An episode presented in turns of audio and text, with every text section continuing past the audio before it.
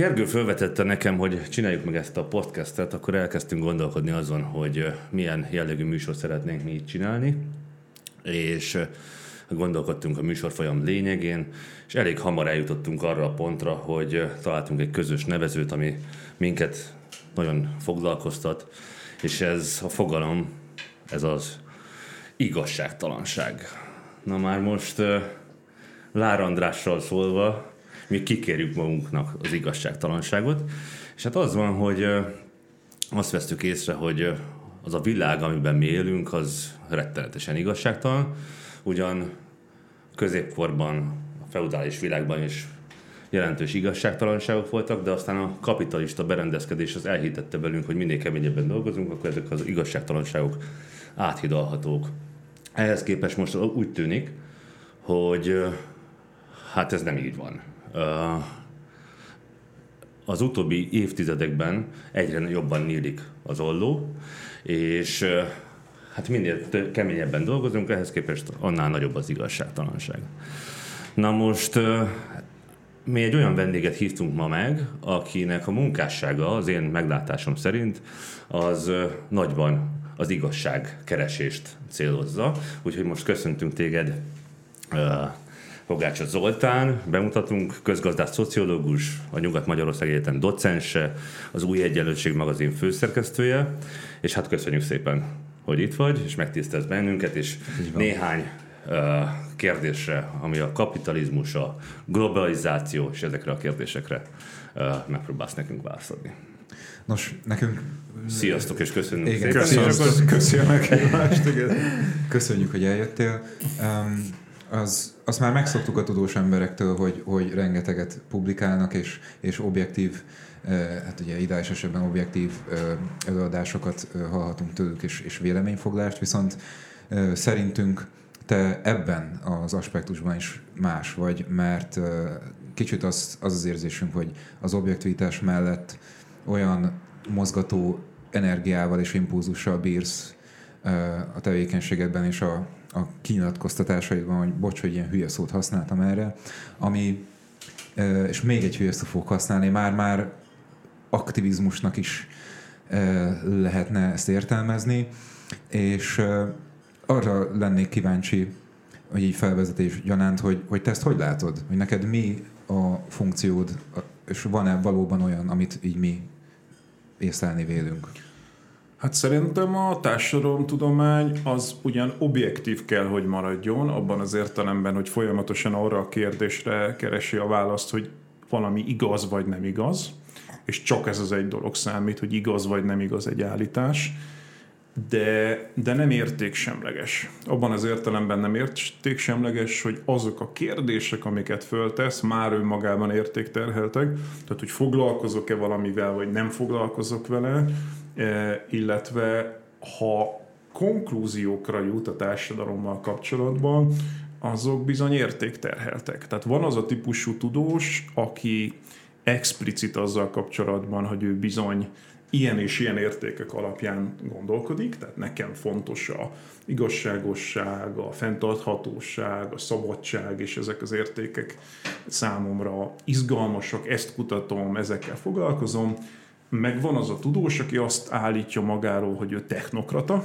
tehát hogy neki nincsenek értékei, de egyébként ugyanúgy kimutathatók eh, az értékek, csak vagy nem tudatos ezzel kapcsolatban, vagy tudatosan hazudik, és ilyen is van, tehát van az a típus, aki nem tudja, egyszerűen tényleg azt hiszi magáról, hogy ő értéksemleges, meg van az, aki pontosan tudja, hogy miért csinálja, csak hát azt nem fogom elmondani valakinek, hogy azért csinálom, mert ezért megfizetnek nagyvállalatok. Mm. Tehát rettentő sokszor lebuknak tudósok, akik egyébként, tudom én, biológusok, akik azt próbálják bemutatni, hogy dohányzás nem okoz rákot, vagy mit tudom én, közgazdászok, ugye a, a, az Inside Jobban van azt hiszem aki, az az űrge, aki AAA rétingeket adott vállalatoknak, akik megfizették, tehát hogy folyamatosan van. Tehát van, aki explicit elmondja, Van, aki azt hiszi, hogy technokrata, de nem az, csak nem reflektál, meg van az, aki pontosan tudja, hogy nem technokrata, csak ez jobban eladható.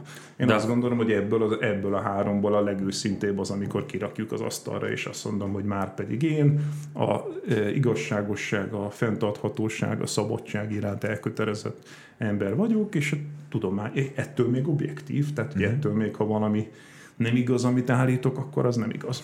Uh-huh azt vettem észre a munkásságod során, hogy eleinte egy ilyen független elemző titulus vettél föl, de ahhoz képest az utóbbi időben egy nagyon határozott értéket képviselsz. Ez tudatos volt, vagy ez hogyan, hogyan jött? Én meg azt gondolom, hogy a, Már kezdetektől a kontextus változott. Tehát, hogy egyszerűen mondtam, mondtam, mondtam a magamét, és egy bizonyos ponton, tehát, hogy ugye amikor Magyarországon például szociál-liberális kormányzás volt, akkor és én mondjuk kritikus voltam az eurozónával kapcsolatban, de hát semmi más nem csináltam, mint bementem egy tévébe, és elmondtam, hogy ezek a problémái az eurozónának. Csak ugye ezek a dolgok, ezek mindig ilyen magyar koordinátorrendszerben értelmeződnek, és hogyha mondjuk a, a szociál-liberális oldal Magyarországon kritikátlan volt az EU-val és az eurozónával kapcsolatban, nagy részt máig az, akkor úgy tűnhetett, hogy én meg valami ellenzéki, uh-huh. kvázi fideszes elemző vagyok.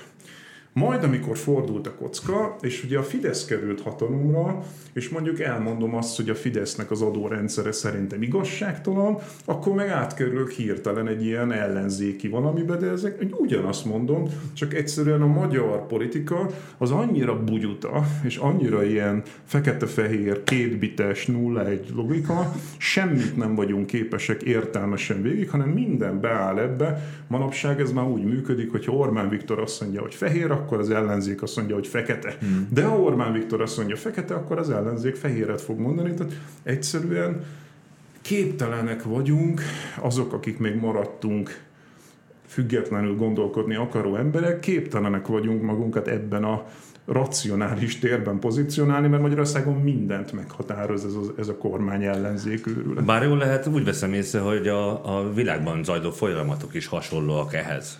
És ebből a szempontból ugye az volt, hogy először azt gondolták, hogy Magyarország az egy különleges eset, tehát emlékszem arra, hogy 2010 környéken még ugye Heller Ágnes és hasonló értelmiségek kvázi mint egy ilyen Galapagos szigetet pozícionálták Magyarországon, hogy mindenhol olyan felvilágosultság van, hogy Angela Merkel a izé, és akkor debezzeg Magyarország, ahol egy ilyen felmaradtak ezek az őskövületek, és ez valami egészen más. És utána jött a Trump, meg a Berlusconi, meg a Kaczynszki, meg mindenki más, és egy idő után tök világossá vált, hogy ami Magyarországon van, az nem egy kivétel, hanem ez egy úttörője volt annak, ami egyébként világszerte történik, és ahogy mondod, ma már Amerikában is ez van, hogy gyakorlatilag bármit mondasz, az ebbe az ilyen őrült politikai térben értelmeződik, és hát vért kell izzadni azért, hogy megértesd emberekkel, hogy amit mondasz, azt nem egy pártpozícióból mondod, hanem az, az a véleményed, és lehet, hogy néha egyetértünk, máskor nem fogunk egyetérteni,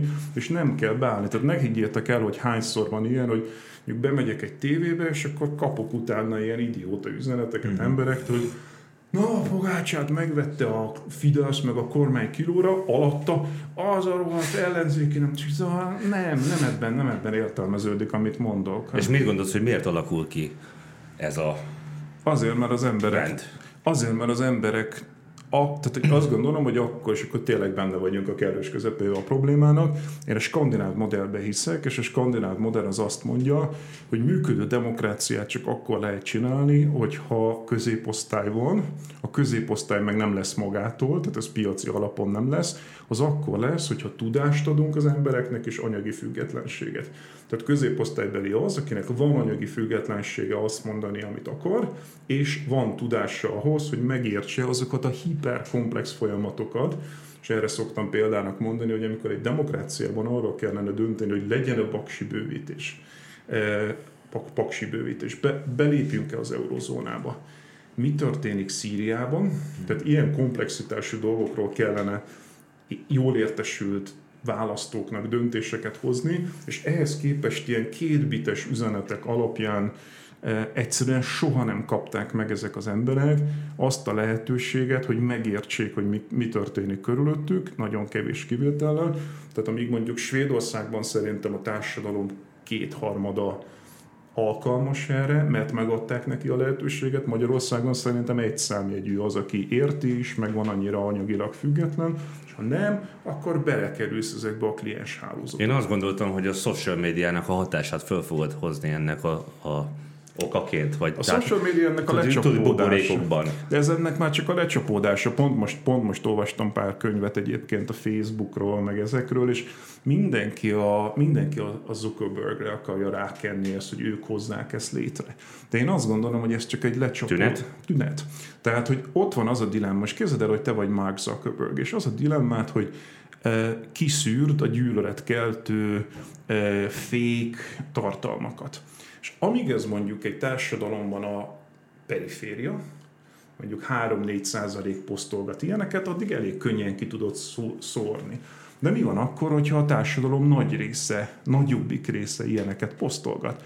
Akkor egyszerűen nem tudsz mit csinálni, mert, mert nem, nem kezdhetsz el, hogy mondjam, tehát neked nincs arra jogosítványod, mint magáncég, hogy te elkezd azt felülbírálni, hogy mi a fék, mi nem fék. Tehát nyilván vannak egyértelmű hmm. helyek, de hát nagyon-nagyon sok olyan állítás van, ami, és egyszerűen milyen, milyen jogosítványod van neked arra, hogy ezeket elbíráld. És ez valójában már csak egy lecsapódása, ugyanúgy, ahogy egyébként az összes többi, tehát hogy kacsaszáj, szépségverseny és reggeliző, reggeli posztoló, like vadászattá vált az, ami egyébként lehetne más is. Tehát, hogy a, a, egy Facebook tök alkalmas lenne arra, hogy értelmes dolgokról vitázunk értelmesen, hogy olyan emberek járnak oda, és olyan módon kommunikálnak egymással, hogy gyakorlatilag gyűlölet halmazzá vált az egész, azt szerintem sokkal jobban szól a társadalomról, mint magáról a platformról. Úgy fogalmaztál, hogy a,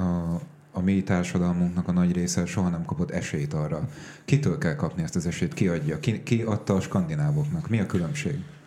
Az állam. Tehát, hogy azért nem értem soha a, a, a piacpárti barátaimat, e, legyenek azok szélsőségesen libertariánusok, vagy csak egyszerűen liberálisok, mert soha nem adnak választ arra a kérdésre, vegyünk egy Magyarországot.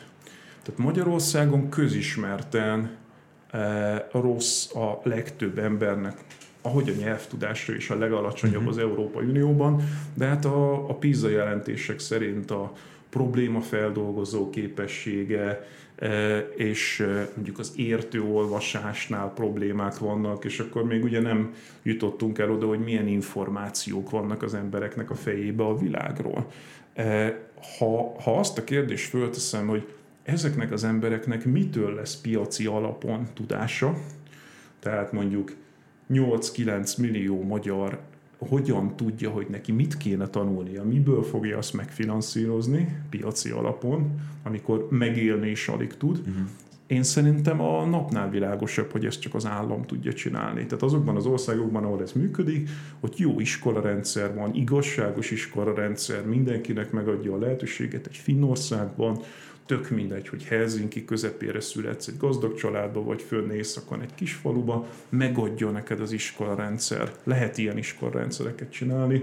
Közmédia, tehát nekem itthon Magyarországon nincsen tévém, de a Skandináviában vagyok, alig tudok elszakadni a tévé elől, mert a közmédia olyan elképesztően jó, Miért? Mert ugye a családi különbségeket azt tudja ellensúlyozni, hogy a közmédiában baromi fontos dolgokat sugároznak reggeltől estig, és az, aki nem kapja meg otthonról, az ezt a típusú tudást megkapja, és egyszerűen lenyűgözően jó a közmédia. Elég durván fogok fogalmazni, de hát nem arról van szó, hogy a magyar politikai elit jelesül a regnáló hatalom, ezt szán szándékkal teszi, elbutítja a társadalmat, hogy ne jussanak olyan információkhoz, amivel kritikai kérdéseket lehetne az ő munkásságukkal Na ez, ez szerintem, megfogalmazni? Ez, ez szerintem a Galapagos teória, tehát hogy ez azt mondja, hogy itt csak a mostani elit, ami felelős, és az, hogy mondjuk jelenlegi Magyarországon a közmédia az egy ilyen kor, kormány, egy ilyen nagyon eh, felszínes kormány szócső, az, az szerintem evidencia.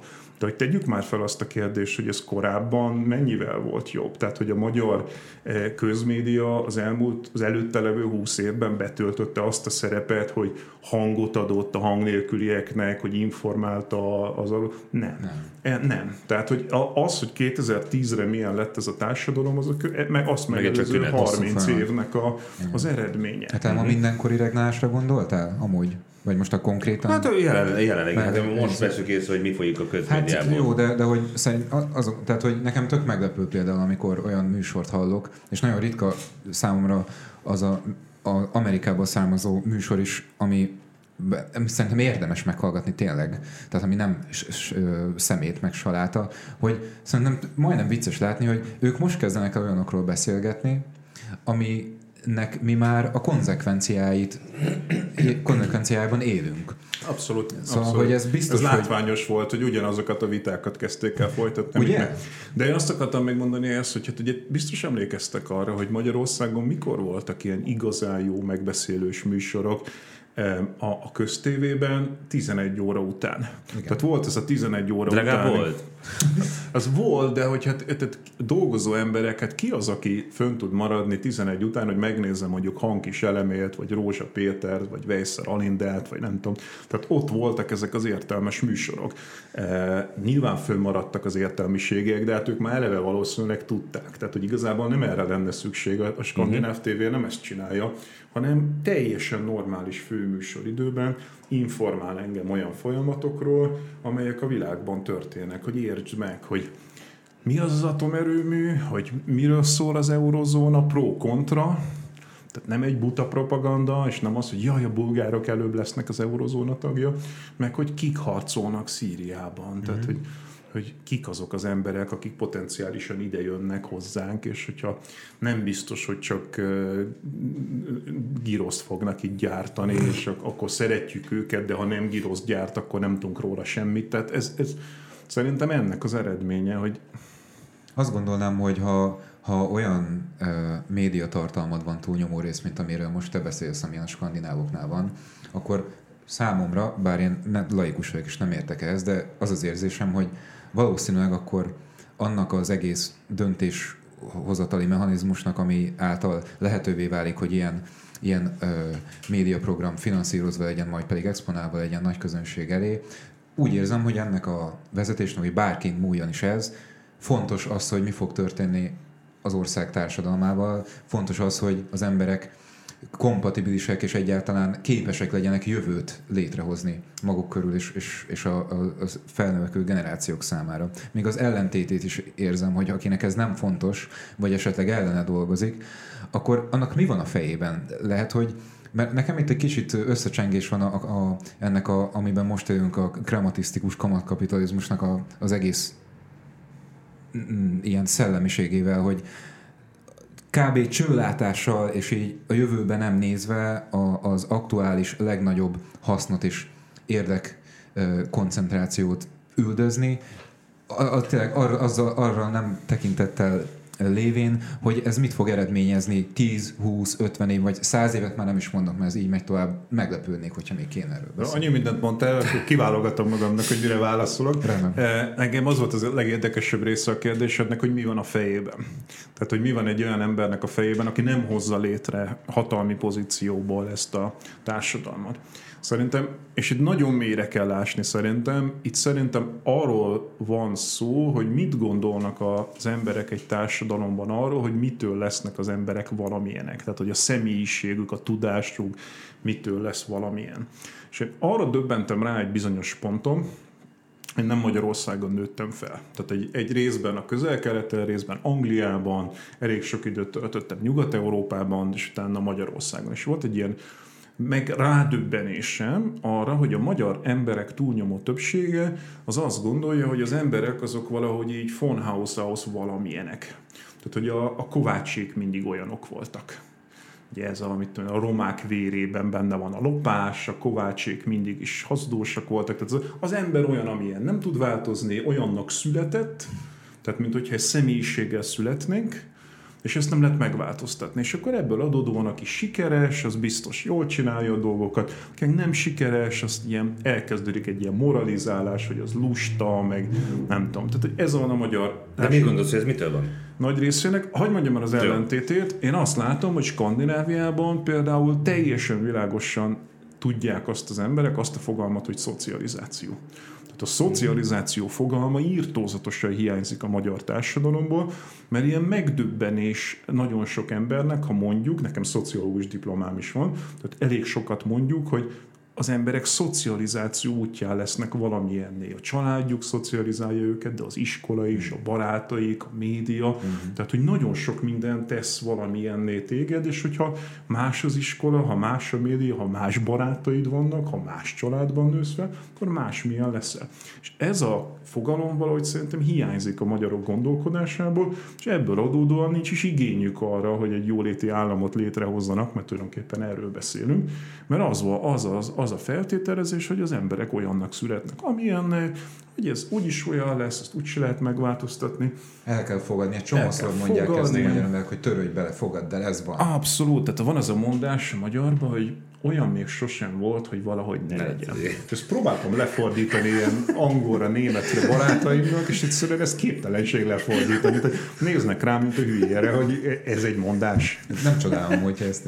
És ez, ez egy ilyen, izé, hogy hát ilyennek születtünk, ez a sorsunk, ez egy ilyen ország, itt nagyot nem lehet. Tehát, tehát hányszor hallottad Békesi Lászlóktól, meg hasonló mókusoktól, hogy nem, hát itt nincs igazán mozgástér, kényszerpályán vagyunk, tarara. De ez mitől van? Attól, hogy itt 40 éven keresztül szocializmus volt? Én azt gondolom, hogy attól, hogy az is benne van, tehát hogy ide-oda rángatták ezt a szerencsétlen társadalmat, és nem tudott soha. De hát ugye most már azért 89 óta lett volna lehetőségünk. Nem, én azt gondolom, hogy uh, soha nem léptünk ki abból, hogy itt egy szűk elit dominálja a társadalom nagy részét. Tehát a magyar modernizáció az úgy történt, hogy a 19. század vége felé azért ez még egy nagyon elmaradott társadalom volt, egy gyakorlatilag a 20. századnak volt egy modernizációja. A modernizáció nagy része Budapesten történt, ott persze születnek érdekkonfliktusok, tehát hogy a társadalom nagy része versus az elit, de ez a, ez a konfliktus, ami, ami egészséges országokban osztálykonfliktusként jelenik meg, tehát hogy miért fut előre valaki a modernizációban, más miért marad le. Csináljunk egy szociáldemokrata pártot, kerüljünk hatalomra, csináljunk szakszervezeteket, ez Magyarországon is elindult egészen a tanácsköztársaságig, tehát parami erős szociáldemokrata párt volt meg. De aztán a tanácsköztársasággal ezt az egészet elszúrták. A tanácsköztársaság tönkretette a szociáldemokrata mozgalmat, a szakszervezeteket, és onnantól mi lehet, etnicizálódott ez az egész. Tehát a társadalmi ellentétek etnicizálódtak, lett belőle egy holokauszt, majd utána egy szovjet megszállás, ami ugye az egészet elnyomja, majd a szovjet megszállás után elkezdődik ugyanaz még egyszer. Tehát magyarán a magyar társadalom úgy érezte, hogy nincsen ráhatása a történelmi folyamatokra. A magyar társadalom azt a típusú modernizációt, amit Nyugat-Európában eh, osztály alapon narráltak, ezt nem tudom másképp mondani, mm. hogy a narrálása az az volt, hogy láttam, hogy bizonyos emberek a kapitalizmusba hamarabb futottak bele, mások meg nem, azt folyamatosan egy ilyen etnikai alapon narálja. Tehát, hogy a, a zsidók voltak a gazdagok, a manapság a cigányok a, az underclass, és folyamatosan a társadalmi ellentétek, ami alapvetően ilyen igazságossági osztálykonfliktusok, ezek folyamatosan etnikailag vannak narrálva. Lásd migránsok, nem? Migránsok, roma kérdés, stb. És ez folyamatosan fölírja e, a, azt a típusú, ugye, és ez, és ezek, ez egy elit probléma. Tehát, hogy Magyarországon egy liberális elit és egy nacionalista elit verseng egymással 150 éve, egy nagyon erős nacionalista elit és egy kevésbé erős liberális elit. És ez két narratíva. Az egyik narratíva ez a különállunk, mi magyar nemzet megvédjük a világot, a másik meg ez a, az a nyugat, Európa, minden kérdőjel nélkül, és egyik rosszabb, mint a másik. Tehát ez két rossz narratíva, de valamelyikbe beleszocializálódnak az emberek, mert nincs más. Eleve így hívnak, mit tudom én, ma már tévékben így hívnak, hogy van a van a kormánypárti politológus, meg az ellenzéki politológus, mm. és akkor az van a fejedben, hogy bárki okay. megszólal, mm-hmm. aznak muszáj kormánypártinak ja. a jelenté. Ráadásul ebbe a kettőbe. Tehát vagy nacionalista, vagy liberális. Nincs igazából másik. Tehát iszonyatosan nehéz. De mit lehet tenni? Azért beszélgetünk erről. Én azt, igen, tehát én azt gondolom, hogy minél több helyen elmondani, megbeszélni, és világossá tenni, hogy az a típusú két narratíva, amit a magyar elit produkál 150 éve, ezek nem vezetnek sehova. Tehát iszonyatosan hiányzik Magyarországon egyrészt egy szociáldemokrácia, másrészt egy zöld mozgalom. Tehát egyszerűen ezek léteznek Nyugat-Európában, ezek a mozgalmak, sokszor problémásan, de léteznek, Magyarországon meg egyszerűen 100 éve, 120 éve képtelen a, tehát gyakorlatilag a tanácsköztársaság óta képtelen élet tehát leelni magába. Én azt gondolom, hogy ezen csak akkor lehet változtatni, hogyha edukáljuk a társadalmat. Persze, persze. És persze. abban az esetben, hogyha a, a közoktatásra szánt összegeket csökkentjük, akkor eznek nem lesz semmiféle változás. Ezek folyamatok lefelé, de tud Pont lenni, ellenkező irányba de tud lenni egy öngerjesztő folyamat fölfelé is. Tehát, hogy csökkented az oktatást, akkor kevésbé értik az emberek, a kevésbé értik, kevésbé akarnak jó oktatást. Itt vagyunk most de lehet a másik irányba is. Tehát, hogyha elkezded növelni az oktatás, egyre jobb az iskola, akkor jobban fogják érteni, és akkor ez történt szerintem Skandináviában. Említetted, hogy a rendszerváltás után a, a, a milyen jellegű kapitalizmus alakult ki Magyarországon, de idővel most azt figyelhető meg, hogy a világban is a kapitalizmussal nagyon komoly problémák vannak. Sőt, odáig jutottunk, hogy azt látni, hogy a kapitalizmus gyakorlatilag az egész földet tönkrevágja, hazavágja, és hát ebből valahogy ki kéne lépni. Na már most vannak olyan vélemények, miszerint könnyebb elképzelni a világ végét, mint a kapitalizmus végét, mondja Mark Fisher, egy brit kultúrkutató. De hát akkor mi a megoldás? Mi lesz a kapitalizmus után? olvastam, vagy láttam egy megnyilatkozásodat, mi szerint említetted, hogy kapitalizmus előtt is volt világ, és utána is lesz, de mégis hogyan tudjuk ma elképzelni azt, hogy mi következik ezek után, vagy egyáltalán hogyan lehet lecserélni? Igen, a nehézséget az adja, hogy hát régen volt időn kivárni, hogy valami változzon és átcsúszson az egyik rendszer a másikba. Ugye eleve ez nagyon vicces, hogy a kapitalizmus szerelmesei azok azzal szoktak érvelni, hogy kapitalizmus az mindig is volt, mert az az, az, az emberi tulajdonságoknak a megnyilvánulása, az ember önző, és mindig ott ez elképesztően nem így van. Ugye ez az, amit mondjuk a Polányi Károly leír, hogy a kapitalizmust be kellett vezetni. Tehát effektíven nem volt kereskedhető a tőke, nem volt kereskedhető a föld, nem volt kereskedhető a munka, tehát a három termelési tényezőt nem kereskedték. Ezt be kellett vezetni. Tehát volt kapitalizmus előtti időszak, van most kapitalizmus, és nyilvánvalóan lehet másik is, csak ugye az a probléma, hogy a klímaváltozás miatt elfogy az időnk. Tehát ugye én ma abban nem szeretnék senkivel vitát nyitni, hogy van-e klímaváltozás vagy nem, mert azt mondtam egy pár évvel ezelőtt, hogy ez ma már annyira konszenzusos, hogyha még, mindenki, még mindig azzal jön valaki, hogy most nem biztos, meg, tehát még mindig vannak ilyenek, bocs, de erre már nincs időnk. Ez 10-20 évvel ezelőtt volt aktuális, ez most már nem az, tehát van klímaváltozás, és ugye azt mondtuk ki a Párizsi Klímaegyezménnyel 2016-ban, hogy nekünk csökkenteni kéne a CO2 kibocsátásunkat. Tehát nem tovább növelni, nem stagnálni, hanem kifejezetten csökkenteni. És ugye a problémát az jelenti, hogy ha nő a gazdaság, tehát ha egy egységgel nagyobb lesz a kibocsátásunk a gazdaságban, az óhatatlanul növeli a CO2 kibocsátásunkat. Tehát lehet a hatékonyságát, a, e, az energia hatékonyságát javítani, lehet a kibocsátás hatékonyságát, de olyan nem lesz, hogy növelem a gazdaságot, és akkor annak nincsen anyagigénye, nincsen szennyezése, nincsen CO2 kibocsátása, fajpusztulás, talajerózió, tehát egy csomó minden, olyan nincsen, tehát nulla sosem lesz. Magyarul, ha N plusz egy egységnyi gazdasági kibocsátás van, abból óhatatlanul nőni fog a CO2 kibocsátás. Erre szokták azt mondani, hogy akkor tessék megnézni, hogy Európában vannak olyan országok, ahol nő a GDP, de közben csökken a CO2 kibocsátás. Persze miért? Mert áttették a termelést Kínába.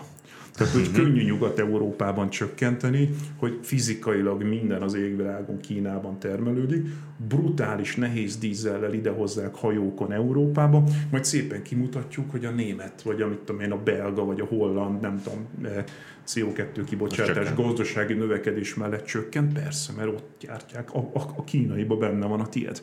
Tehát gyakorlatilag elfogyott az időnk.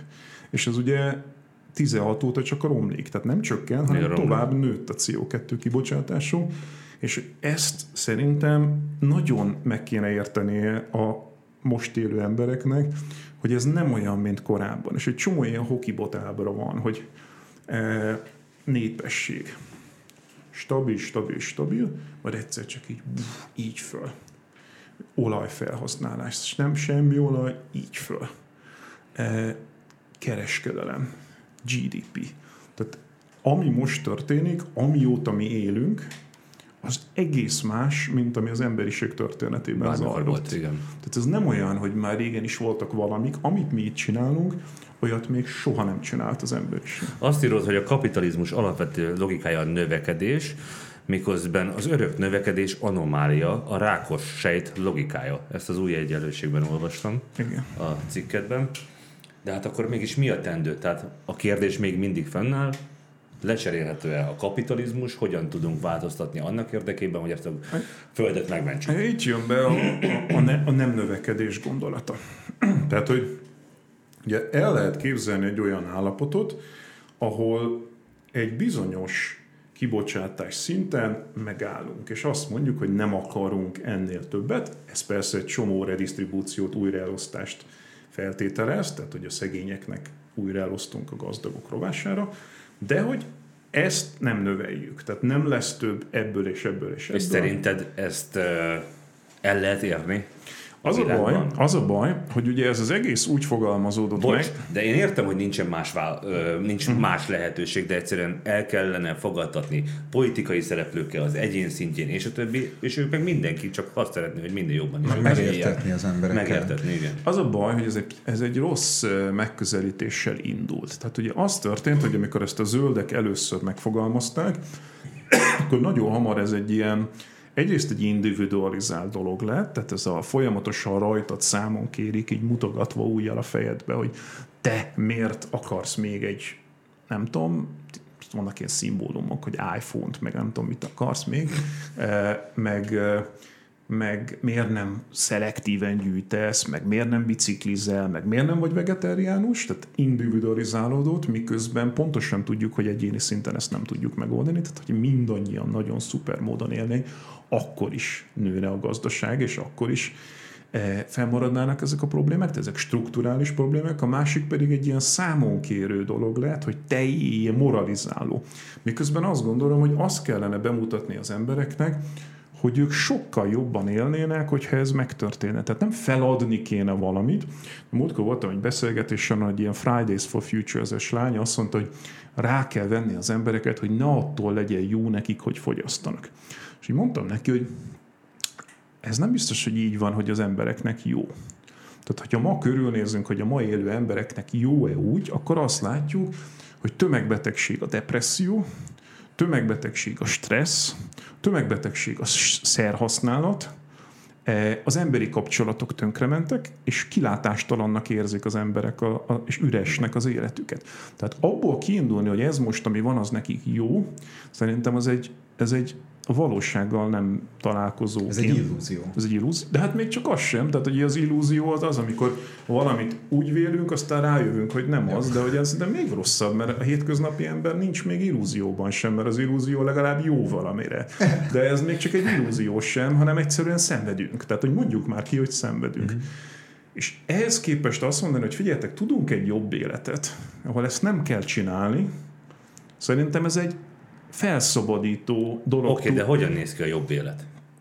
hát ne vegyek iPhone-t. Figyelj, csak olvastam, hogy ö, 1970-hez képest 100 négyzetméterrel nőtt meg az Amerikai Egyesült Államokban egy átlag polgárnak a lakás mérete. Most már 250 négyzetméteres lakásban élnek, átlagosan az amerikaiak, egy akkora lakásban, amelyik iszonyatosan nagy hodály, és el van velük hitetve, mert ez hangzik el évtizedek óta, hogy minél keményebben dolgozol, annál jobb életed lesz, annál jobban fogsz élni, mint És az közben, az, és közben ugyanebben az Egyesült Államokban ráadásul a fehérek körében e, népbetegség a, a szerhasználat. Tehát az oxycontin, meg az egész e, ilyen opium, epioid, az, az, az, az Gyógyszerfüggő. gyógyszerfüggőség, az ugyanezek között az emberek között van. Miért? Mert ezek az emberek nem érzik jól magukat a bőrükben. Tehát élnek egy ilyen Woody ellenes világban, ahol... De vélelmezem, hogy azért már Trump azt mondja nekik, hogy ide figyeljetek, elveszik a munkátokat a bevándorlók, és a többi. De nem, nem, tehát azt szerintem már egy másodlagos dolog, hogy mit mond a Trump, hanem hogy úgy van berendezve a saját életük, hogy a, arra van kondicionálva gyerekkoruktól fogva, hogy ők nekik versenyezniük kell a Facebookon lévő gyerekkor ismerőseikkel, 5 percenként prezentálni kell, hogy kinek milyen lakása van, milyen bébi ruhái vannak, hova jár nyaralni. Tehát érted, azok tök szürreálisak, amikor biztos látjátok a Facebookon ezeket a celebeket, akik így hogy prezentálnak egy ilyen életet, és akkor mit tudom én neki Dubajban van lakása, és akkor ott kellenek, és ezek a teljesen sablonos képek jönnek, hogy a magas sarkus asszonka ott ül Dubajban, nem tudom milyen, és akkor ott szuper autóid vannak, és akkor ezeket van hat ferrari meg porsche és akkor ezeket prezentálni kell, hogy te ekkor vagy sikeres ember. És hát ezek ugye háromszor, négyszer elválnak életükben, tehát ugye azt is hozza rendszeresen a, a sajtó, hogy már megint új felesége van, már megint elvette. Ez biztos, hogy nem jó nekik. Tehát, hogy ezek az emberek nem boldogok, ezt ezért e- egész pontosan tudjuk. És hogy ezeknek az embereknek tudsz egy olyan e, jövőképet adni, hogy élhetnél úgy is, hogy egyébként működnek az emberi kapcsolataid. Nem stresszeltetünk rá arra, hogy te versenyezz a Facebookoddal, nem kell prezentálni egy műéletet, amiről mindenki sejti, hogy te nem úgy élsz valójában, hanem lassabban, van időd, nem, nincs az a stressz, hogy mi van akkor, ha nem, nem érsz be egy órás dugóval a, a hülye főnöködhöz, aki ott hülye elvárásokat. Nem azt mondod, hogy tudunk egy olyan életet, ahol ez sok... De hogy néz ki ez a tudunk egy jobb életet? Én Tehát amikor- amit mondasz, nekem nagyon tetszik. Én Idealizáltnak amikor, én gondolom. amikor gyerek voltam, simán Vagy... lehetett Budapest utcáin focizni. Tehát nyilván nem a belvárosba, de, de na, jelentős részén Budapestnek fociztunk, és akkor egyszer csak jött egy kocsi, akkor egy kicsit megfogtuk a labdát, de aztán megint lehetett. Ma szerintem nincs olyan utcája Budapestnek, ahol ezt meg lehet csinálni.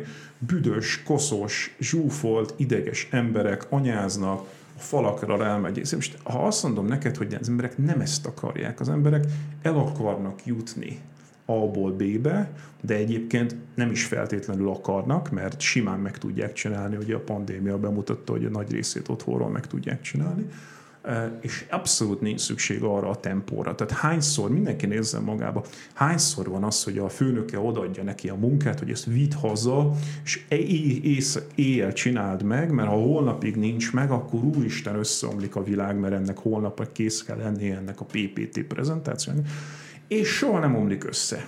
Tehát soha, soha nem omlik össze. Ezek építettünk egy olyan világot, amivel szemben, ha azt mondod az embereknek, hogy figyelj, leállunk, nem növünk, Miért nő a cég? Azért nő a cég, mert ha te nem nősz, akkor fölvásárol a versenytársad.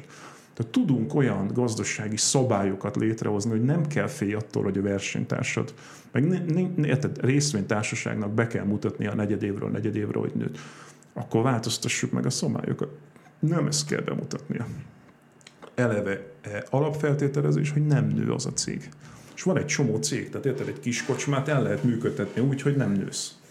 Egy kocsmát, igen, de az egész ö, gazdasági mechanizmusokban szereplőket, nagy vállalatokat, aztán lehet, a, ho- hogyan veszed rá őket? Hogyan veszed rá a Akkor- Google-t, vagy nem tudom valamit, hogy oké, okay, gyerekek, most stagnálás van. Hozzuk be az egészbe a fogyasztást, mert szerintem ez elég fontos, hogy ki fogyaszt itt tulajdonképpen. És az Oxfamnek van egy nagyon híres ábrája, ez az úgynevezett pesgős pohárábra, ami azt mutatja, hogy a CO2 kibocsátásért, azaz a fogyasztásért, ki mennyire felelős. És ez a pesgős pohár, ez azért pesgős pohár, mert ugye a tetejébe, ahova a pesgőt töltöd, felső 10%, a világ felső 10%-a elviszi a CO, globális CO2 kibocsátás felét.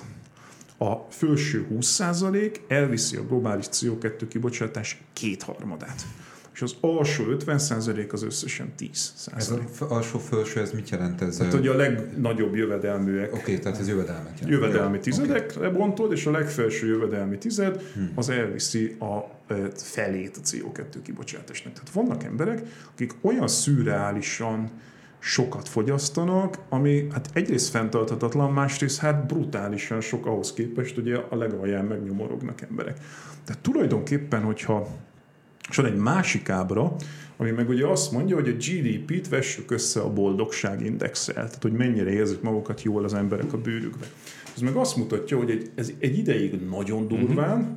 Tehát ugye nyilván, amikor éheznek az emberek, meg eh, betegségek vannak, akkor, eh, ugye, és akkor igazából egy csomó olyan dologra van szüksége, csak megjegyzem, amik egyébként közösségi jószágok, tehát nem magántulajdonra van szüksége, hanem oktatásra, orvosi egészségügyre, stb. Tehát, ha ezeket egy bizonyos GDP-ig tudod garantálni nekik, akkor onnan kilaposodik. Uh-huh. Tehát, és Magyarország már túl van ezen az inflexiós ponton. Tehát mi már gazdagabbak vagyunk annál, hogy olyan nagyon sokat javítana a, e, a, a, a, a GDP növekedése. Tehát most már a szükségletek beteltek, most már az igényekről van szó, nem? Nem, az, a, arról van szó, hogy az emberek megkapták azt az alapvető valamit, ami ahhoz kell, hogy nagyon rosszul ne legyenek, tehát mm-hmm. hogy mhm. ne halljanak meg a rokonaik maguk körül, meg ne legyenek képzetlenek, és tehát az megvan. Innentől alapvetően sokkal többet ad hozzá a boldogságodhoz, hogy van-e időd, iszonyú szűk erőforrás. Tehát folyam, folyamatosan arról paráznak az emberek, hogy nincs pénzük, de közben idejük nincsen. Tehát idejük sokkal kevésbé van, mint pénzük. Miért nem beszélünk erről, hogy időszegénységben vagyunk? Iszonyatosan kevés időnk van emberi kapcsolataink tönkre mennek ebbe, mert lehetetlen működtetni, tehát ugye ez az egész Ibzeni babaházban vagyunk gyakorlatilag, hogy nem tudunk egyszerre gazdagodni és működtetni emberi kapcsolatokat, a lelki békéd, a nyugalmad, a, a, az egészséget megy tönkre, tehát folyamatosan amortizáljuk az egészségünket. Tehát egyszerűen ezen a ponton már nem arra van szükségünk, hogy még nagyobb GDP-t termeljünk, hanem arra van szükség, hogy amit egyébként az emberek akarnak, tehát hogyha megkérdezed az embereket, hogy mit szeretnének, el fogják mondani, hogy nyugalmat, időt, szeretetet, ezeket akarják, és nem iPhone-t akarnak, nem akarnak. Az ötös iPhone óta, az ötös iPhone óta semmit nem javult az iPhone. Ez a hatos kurva jó. Tök olyan... És nekem az ötös, hatos iPhone teljesen megfelelne, semmit nem ad hozzá már. Később akartam ebbe belemenni, de hogyha már a GDP-t szóba hoztad, ugye a GDP kidolgozásában nagy szerepet vállal Simon Kuznets, ugye egy orosz származású közgazdász, ha jól tudom, már 34-ben, amikor megalkotta a GDP-t, akkor azt mondta, hogy, sőt figyelmeztetett rá, hogy a GDP az nem alkalmas arra, hogy egy ország boldogság szintjét meghatározza. Ehhez képest most úgy élünk, hogy ha nincsen GDP növekedés, akkor hú, baj van, és ezen változtatni neked, kell. Neked kéne örülni, hogyha van. Mert ugye neked attól jó. Igen, nem? mondta a, a Lára. Na most, hogyha nem jó ennyire a GDP, akkor miért használjuk mégis? Illetőleg, hogyha az ENSZ már elfogadta a butáni Ross National Happiness, az a bruttó nemzeti boldogság indexet, akkor miért nem lehet uh, uh, egy kicsit ezen keresztül fölmérni egy-egy ország működését? Szerintem az félrevezető, hogyha indexekre koncentrálunk. Tehát az in, a, a GDP az egy mérőszám. Közgazdász vagyok, nekem az egyik mérőszámom az a GDP. Mérek vele valamit, az olyan, mint a Celsius fok, vagy a kilogramm, vagy valami. Tehát az önmagában felelőssé tenni egy mérőszámot, az szerintem félrevisz. Inkább az a kérdés, hogy miért nem lehet azt mondani, hogy a GDP-nek nőnie kéne, tehát a növekedés miért vált ilyen kultusszá, mm-hmm. ami, amit mérünk a GDP-vel, és ez meg azért volt, mert az volt az ígéret a második világháború után, hogy ha nő a gazdaság, akkor abból egy kicsit mindenkinek jobb lesz. Tehát ez a dagály minden csónakot felemel mondás volt, ami egyébként baromi hasznos volt a társadalom tetején lévő egy százaléknak, mert miközben ők elképesztő eh, vagyont szívtak magukhoz, ugye ez ennek a pesgős mhm, pohárnak a felső része, eh, tudták, hogy nem fogják észrevenni az emberek 40-es, 50-es, 60-as években, hogy ők milyen vagyonnal rendelkeznek, mert az alulévők is egy kicsit gyarapodtak. Csak aztán az történt a 70-es évektől fogva, hogy a GDP növekedése nem hozta magával automatikusan, hogy mindenki jobban járt. A felső 1% elképesztően elszállt, tehát sokkal jobban, mint bármikor korábban. Ez az, akiket a Piketty úgy hív, hogy a szupergazdagok, tehát el nem tudjuk képzelni, hogy ők hogy élnek. A középosztály gyakorlatilag stagnált, tehát ugye kimutatja a Piketty a könyvében, hogy a középosztály 70-es évek óta nem nagyon javul, és a lent lévők még lejjebb is mentek. Tehát meg, már nem is igaz az, hogy a GDP növekedése az mindenkinek jót tenne, de annyira beleívódott a köztudatba, még mindig, ha az utca emberét megkérdezzük, akkor azt mondaná, hogy persze a GDP-nek nőnie kell, hiszen akkor az én fizetésem is nőni fog, de ez tök nem igaz. Tehát már arra lenne szükség, hogy állítsuk meg a GDP növekedését környezeti okokból, és kezdjünk el azon gondolkodni, hogy az újraelosztással mit kezdjünk. A növekedés elfette az újraelosztást. Ez megy 30-40 év, hogy a növekedés hirdetése elfedi az újraelosztási igényeket. Mert azt mondja, hogy mindenkinek jobb lesz. Oké, én ezt értem, csak nem arról van szó, hogyha bevezetnénk egy olyan mérőszámot, mint ez a boldogsági index, hogy az alapján határoznánk meg, hogy nekünk mennyire jó az életünk, akkor, nem, akkor el lehetne fogadtatni a társadalommal azt, hogy nem kell feltétlenül növekednünk. Az a baj, hogy az ilyen komplex indikátorokat megpróbálták, tehát egy ilyen 15-20 évvel ezelőtt volt egy ilyen nagy mozgalom, hogy akkor vezessünk be Human, Human Development igen, Index, igen, meg Butáni Boldogság Index, meg csomó ilyesmi, és akkor hirtelen eh, arra jöttek rá, hogy ezek túlságosan komplex indikátorok. Tehát mondjuk más társadalmakban mást jelent a boldogság. Tehát mondjuk eh, van, ahol az emberek eh, mondjuk eh, Görögországban szeretnek ülni egy tengerparton, és alapvetően... Például te, én például nagyon szeretek ülni egy görög tengerparton, és bőven elég a boldogsághoz, hogy egy szép alkonyatban egy görög szigeten hát azt és nem kell hozzá sok fizikai, nem tudom. Most nyilvánvalóan ezt nem tudod megtenni Finnországban, mert más az idő. Tehát bár ott is állandóan ülnek, csak ott ugye egyedül ülnek egy tó mellett, és egy dobos sörrel, és ott bámulják a tavat, tehát itt teljesen megdöbbentem, hogy óriási kulturális különbségek vannak. Tehát Finnországban csak olyat láttam, hogy magányos férfi egy dobos sörrel bámulja a tenger, a tónak a... Sosem voltam Finnországban, de nagyon kedvet kaptam Elképesztő. Ez, ez náluk, a, senki nem szól senkihez. Görögországban meg ilyen 60 fős családok ülnek a tenger, és egymás nyakába a gyerekek, meg nem tudom, olyan kulturális különbségek vannak, hogy hogy nem tudod mérni e, ezeket. És rájöttek mm-hmm. arra, hogy, hogy egyszerűen jobbak a dekóstruált indexek. Tehát, hogy mhm. amikor én sok apró, tehát érted, amikor azt megkérdezem tőled, hogy te egészséges vagy-e, akkor se azt mondod, hogy van egy egészségindexet, hanem azt mondod, hogy mit tudom én, ilyen a vérnyomásom, olyan a mm. testtömegindexem, ilyen a szemem látó ereje, stb. Tehát te akkor is 6-7 különböző indexet mondasz, és nem próbálod meg egy egészségindexbe összefoglalni, mert nem tudjuk megmondani, hogy most lehet, hogy érted, parami jól látsz, de közben meg baj van a veséddel. Szóval szerintem nem jók ezek a komplex mm-hmm. indexek, ezek szerintem illúzió.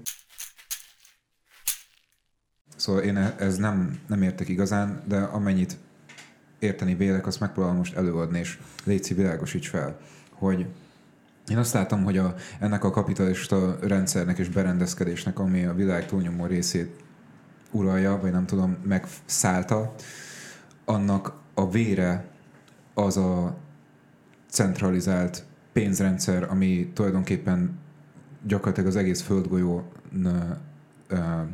ra behatásra és kontrollal bír. Hogy létezik Létezik erre alternatíva? Lehetne decentralizálni a pénzrendszert?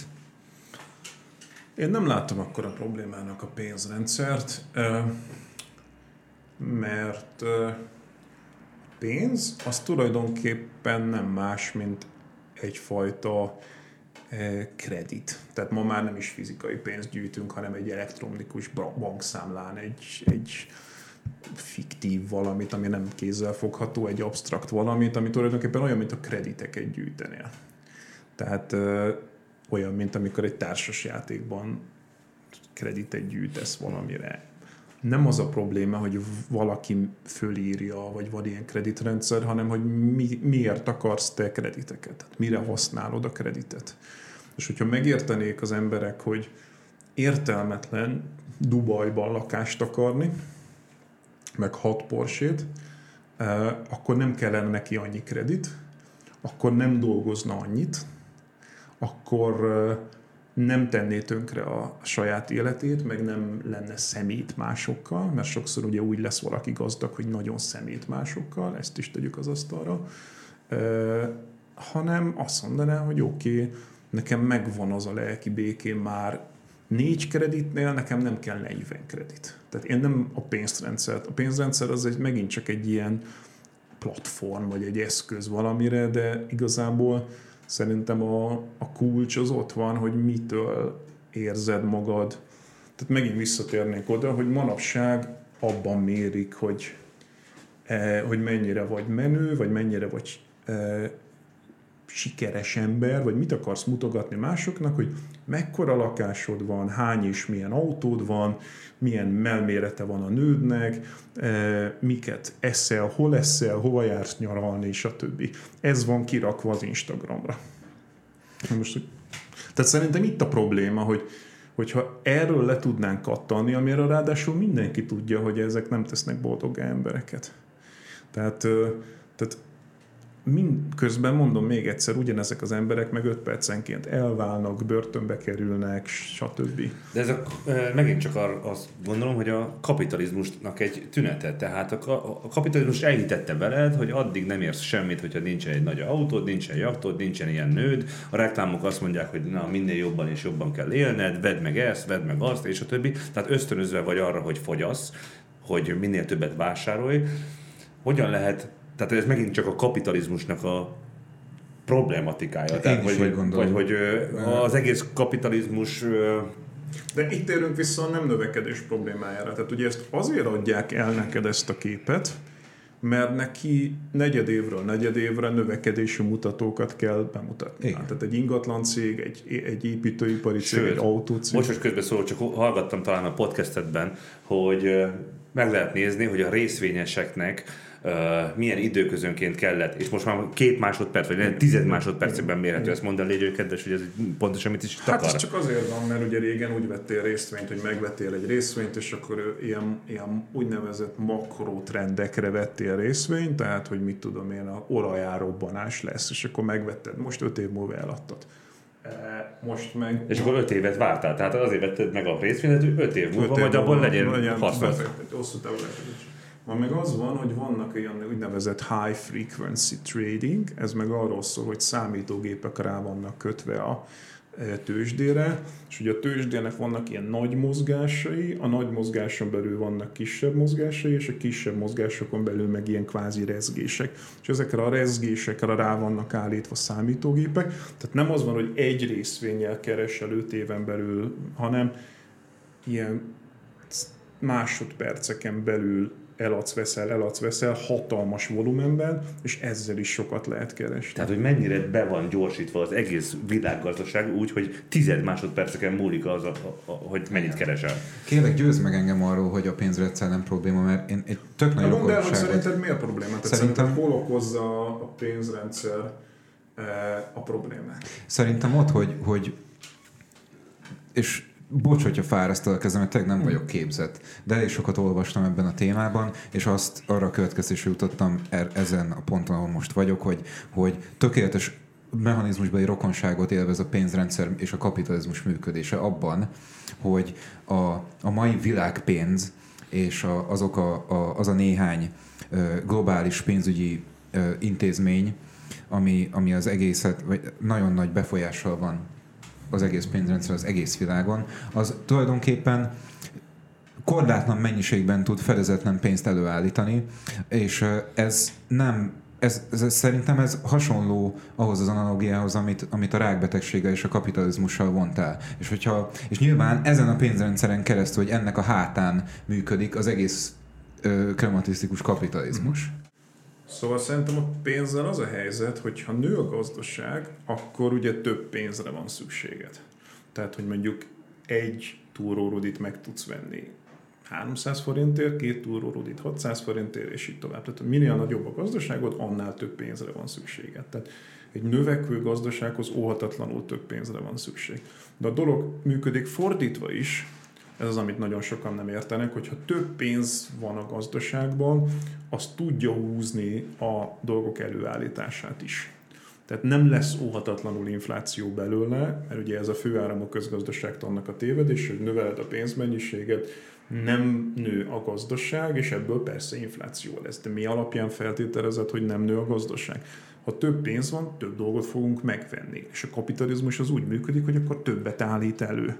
Tehát alapvetően a pénz az megint csak nem más, mint az, hogy ha a reál gazdaságod nő, akkor ahhoz óhatatlanul több pénz kell, és igazából sokszor azért nyomtatnak sok pénzt a jegybankok, mert válság van, és a válságból vissza tudod húzni a gazdaságot, ha több pénzt nyomtatsz. Ez történt a Covid alatt, adtak Amerikában az embereknek ilyen alapjövedelemszerű valami, és akkor az emberek tudtak venni kaját, egyébként nem tudtak volna, tehát attól tudtak venni, hogy adtak nekik alapjövedelmet, a szupermarket megélt, a szupermarket megrendelte a termelőtől, tehát az egész lánc megélt abból, hogy nyomtattak pénzt az elején.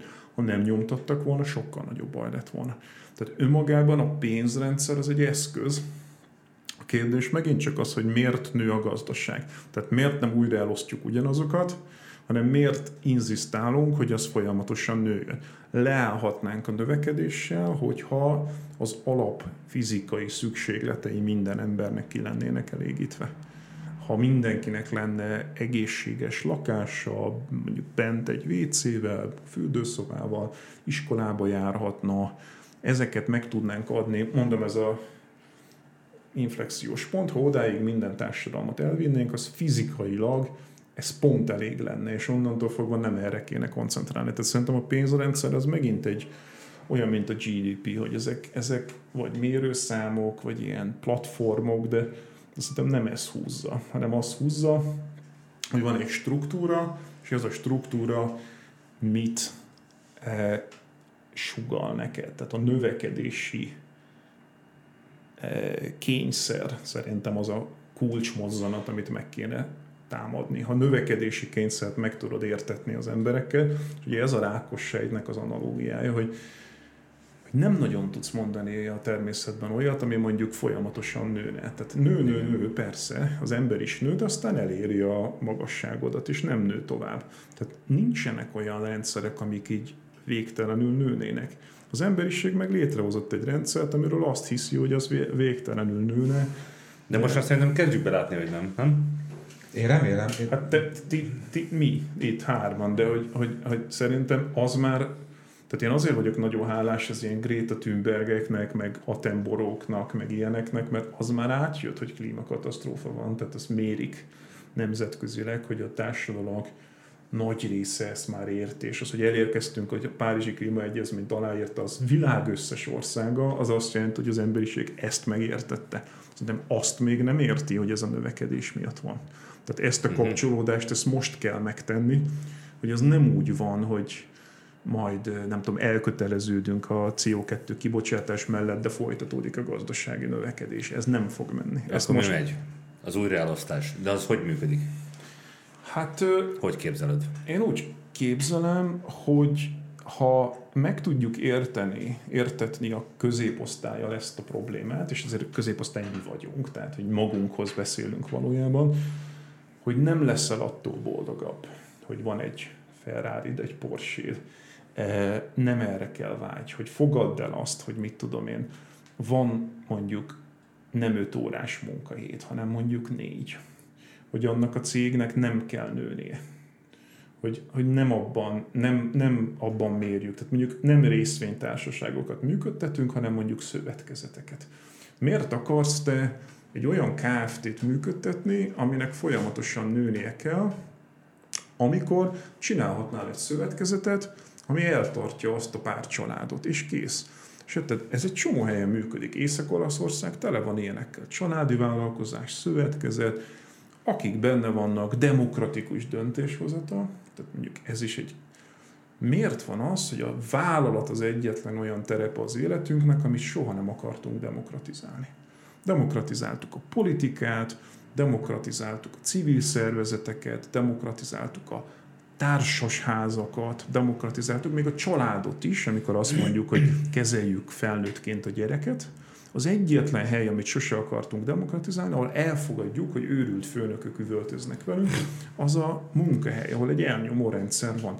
Miért, ha valaki létrehoz egy KFT-t, miért nem hoz létre helyette egy, egy szövetkezetet? ami óhatatlanul magával hozza, hogy együtt kell működni másokkal, mások érdekeit figyelembe kell venni, ha annak több ideje van szüksége, több időre van szüksége, ha gyereke van, sokkal nagyobb a valószínűsége, hogy, hogy megmarad az a cég, nem megy el máshova, nem viszem el a világ végére, mert ez egy szövetkezet, figyelembe veszem a környezeti terhelést, tehát egyszerűen alakítsuk át a, a vállalatnak a, a szféráját. Na most akkor fölvetem. Mi van abban az esetben, hogyha oda megyek egy amerikai nagyvállalathoz, és azt mondom, hogy srácok, ezt abba kell hagyni, máskülönben itt a gyerekeitek el fognak pusztulni, a földnek annyi, de hát Nicaraguában vagy a fejlődő országokban hogyan lehet elmondani azt az embereknek, hogy nem kell fejlődni?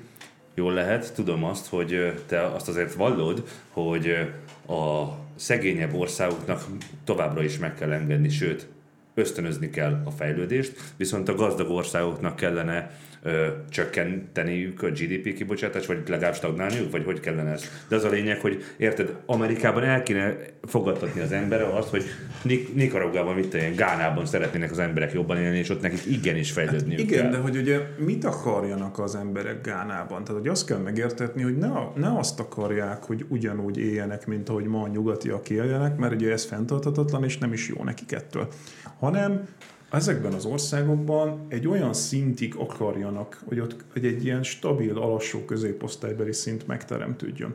Egyik, van egy e, Branko Milanovic nevű, e, sőt jobbat mondok, szerintem a Jason Hickel még jobb. A Jason Hickel egyszer kiszámolta, hogy milyen lenne nagyjából az az életszínvonal, ami mondjuk fenntartható lenne, és a világ összes polgára számára mondjuk e, egy stabilitást adna. És azt találta, hogy ez nagyjából az 1970-es évek elejének Amerikája. Tehát ha mindenki átlagos szinten élne, és ez fenntartható lenne, az nagyjából a 70-es évek elejének Amerikája van. Miért? Mert ugye akkor durván begyorsult uh-huh. a növekedés. Tehát, hogy azt kell megint látni, ezt nem bírom, hangs- nem győzöm hangsúlyozni, hogy lassú, lassú, lassú, és utána vum. Uh-huh. Tehát utána elhúztunk ide.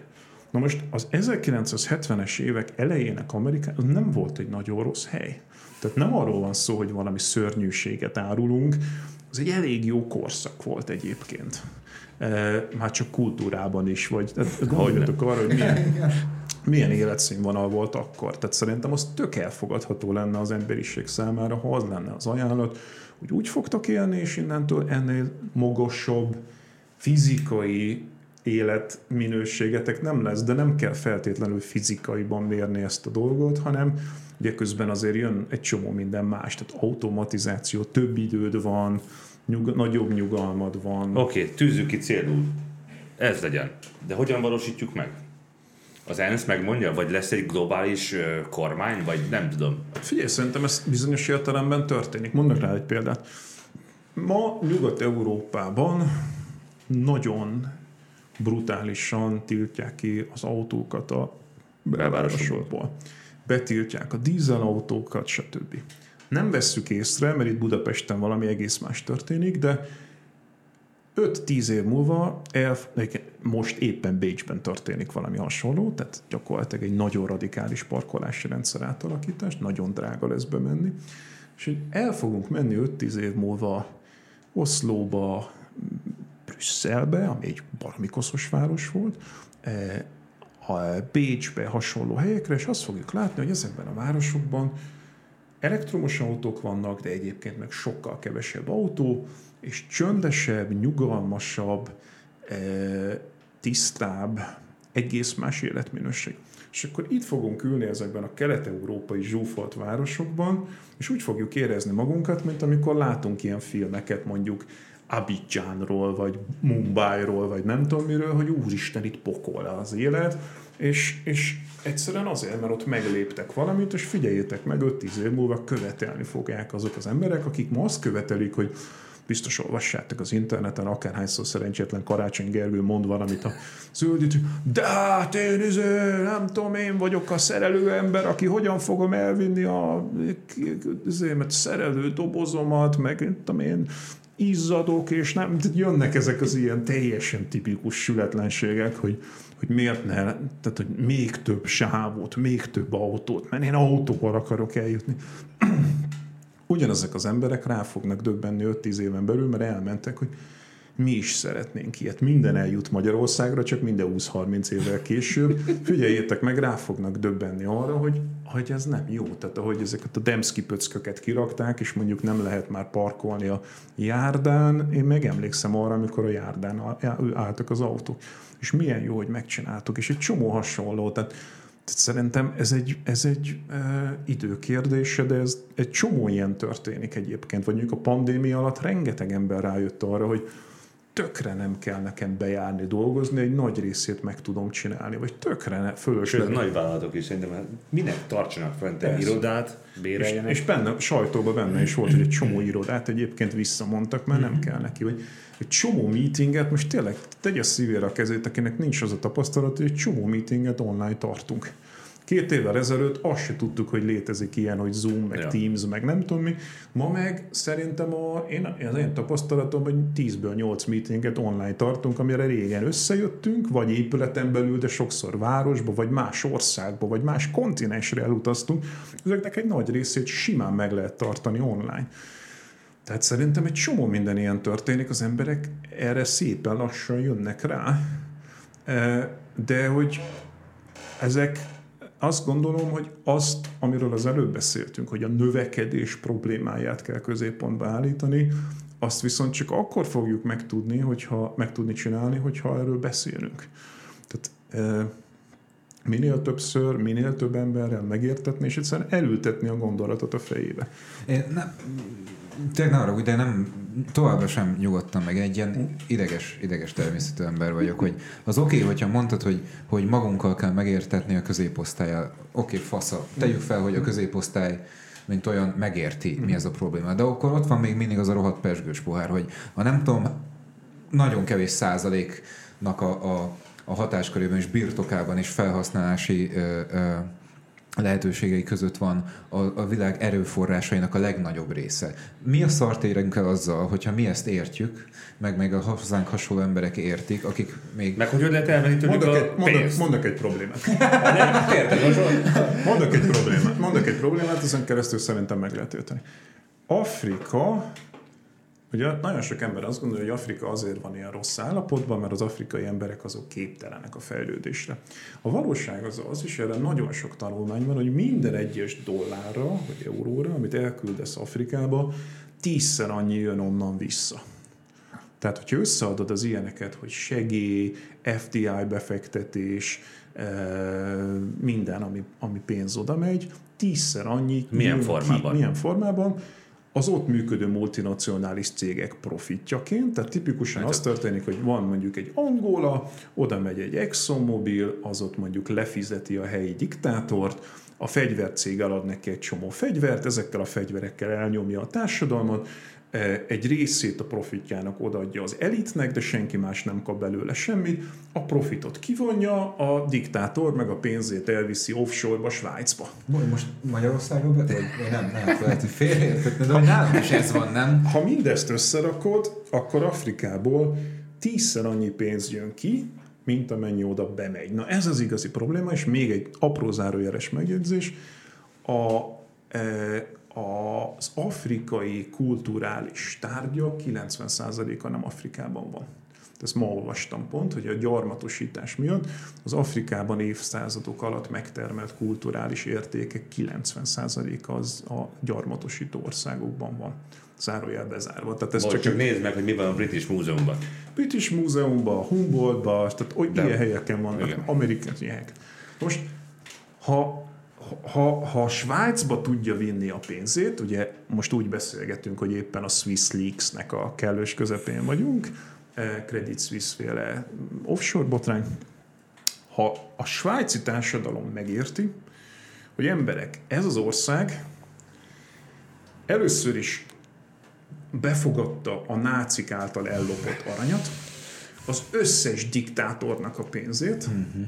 ide jár az orosz Gazpromtól kezdve az összes afrikai és minden más.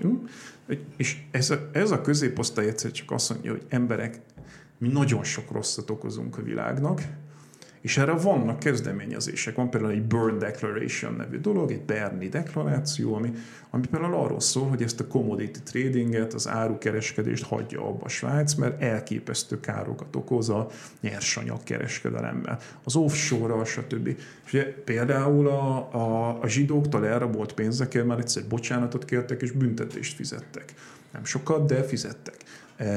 A, a, az összes többi ilyesmi, az most válik teljesen világossá, hogy mik apartheid Afrikát finanszírozták svájci bankok. Uh-huh. Tehát, hogy ezek jönnek ki, és ezeket egy idő után nyilván abba kell hagyniuk, és ez Svájc az csak egy ilyen nagyon erős példa erre, de hát hasonlókat csinál.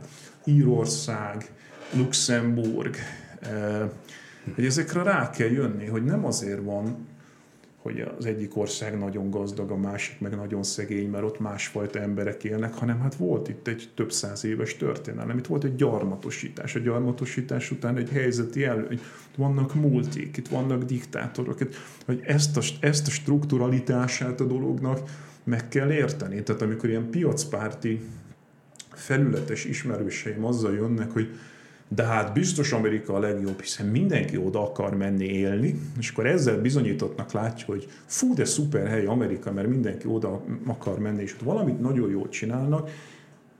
Értsük már meg, hogy, hogy ezek az országok, ezek benne vannak egy globális világrendszerben, és ezek működtetnek dolgokat. Tehát, hogy Persze, hogy oda akarsz élni, ahol, ahol gazdagság van, de hogy ez nem azt jelenti, hogy az ott valami, ők valami nagyon szuper dolgot csináltak, simán lehet, hogy valami nagyon galád dolgot csináltak, vagy például Svájc emblémája ennek. Ez hogy azért többnyire erről van szó, az extrém gazdag, és jó, tehát nem is tudom most ugye a Nyugat-Európát mondod, hát gyarmatosítás, ugye, a, tehát hogy Persze. mindegyik... Nézzük, ugye, nézzük, a, meg, hogy, akár. nézzük meg, hogy Belgium mit csinált Kongóval hatalmas tömegmészállás. Tehát ez egy, egy, egy, egy sok tízmilliós tömegmészállás. Tehát, tehát amikor elmegyünk ilyen városokba, mint London, meg Brüsszel, meg ilyenek, akkor ne az jusson az eszünkbe, hogy fújt, iszonyú szorgalmas emberek, meg kreatív emberek éltek, és milyen jó ez a kapitalizmus, mert ezek ilyeneket csináltak, hanem hogy elképesztő módon kizsákmányoltak más országokat, és azért van ez a gazdagság itt. Visszakanyarodnék egy kicsit az újraelosztáshoz. Azt mondjuk, hogy tízszer annyi pénz jön ki az afrikai országokból, mint amennyit oda betesznek.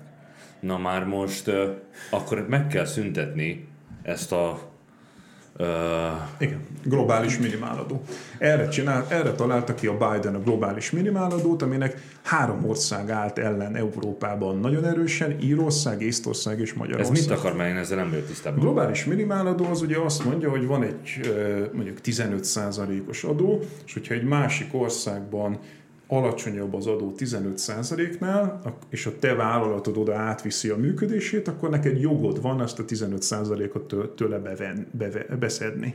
Tehát nem tud a másik ország aláígérni, gyakorlatilag megszünteti az offshore lehetőséget, mert ugye eddig azért ment el a te céged máshova, mert ott mondjuk mit tudom én, 0,4%-os adó van, nálad meg mondjuk 30. Rendes nyugat-európai országban a társasági nyerességed a 30-35 százalék. Egy offshore-ban meg fél, vagy egy, vagy valami. És hogyha van egy globális minimáladó, akkor annál kevesebb adót nem tudsz beszedni, mert ha te nem szeded be, akkor az anyaország beszedi. Van joga beszedni, és erre most aláírtak egy szerződést. Megvan hmm. a globális minimáladó. De attól függetlenül, hogy Magyarország ellenállt ennek, ez keresztül lett véve végül. Keresztül lett véve, és kaptunk egy tíz éves derogációt rá, tehát tíz év múlva hmm. életbe kell léptetni. De ilyenkor azért ellen egy ország, mert nekik érdekük, hogy lehessen továbbra is offshore-olni? Hát egyrészt nyilván a magyar elit nagy része offshore-ban van. Oh, oké. Okay függetlenül politikai oldaltól, uh-huh. tehát megint, ugye megint mi történik Magyarországon az ellenzék a kormánypárti oligarchákat vádolja ezzel, de közben az ellenzéki oligarchák is tere vannak. De szerintem meg tök felesleges jobb oldalról beszélni, de mindegy. A másik, meg, a másik meg, hogy néha mi is offshore Tehát például volt olyan az elmúlt években, hogy olyan szabályokat hoztunk, hogy ide hozzák a tőkéjüket, mert olyan kedvezményes adóztatásban részesültek. A demokráciával mi a helyzet? Arra gondolok, hogy a demokrácia azt gondoljuk, hogy az egyik legjobb, sőt a lehető legjobb ö, ö, társadalmi berendezkedés. Ám bátor, mi a, mi a lehetőség arra, hogy a politikusok ne legyenek lefizetve, hogy ne a saját érdekeit tartsák szem előtt, tehát hogy, hogy a társadalomnak a hasznára váljanak ők. Itt ült velünk egy srác, aki azt vallotta, hogy a politika az teljességgel meg van fertőződve. Nem véletlen mondjuk, hogy ma Magyarországon annyira azt gondolják, hogy tök mindegy, hogy melyik oldalra kell szavazni, mert mindenki lob.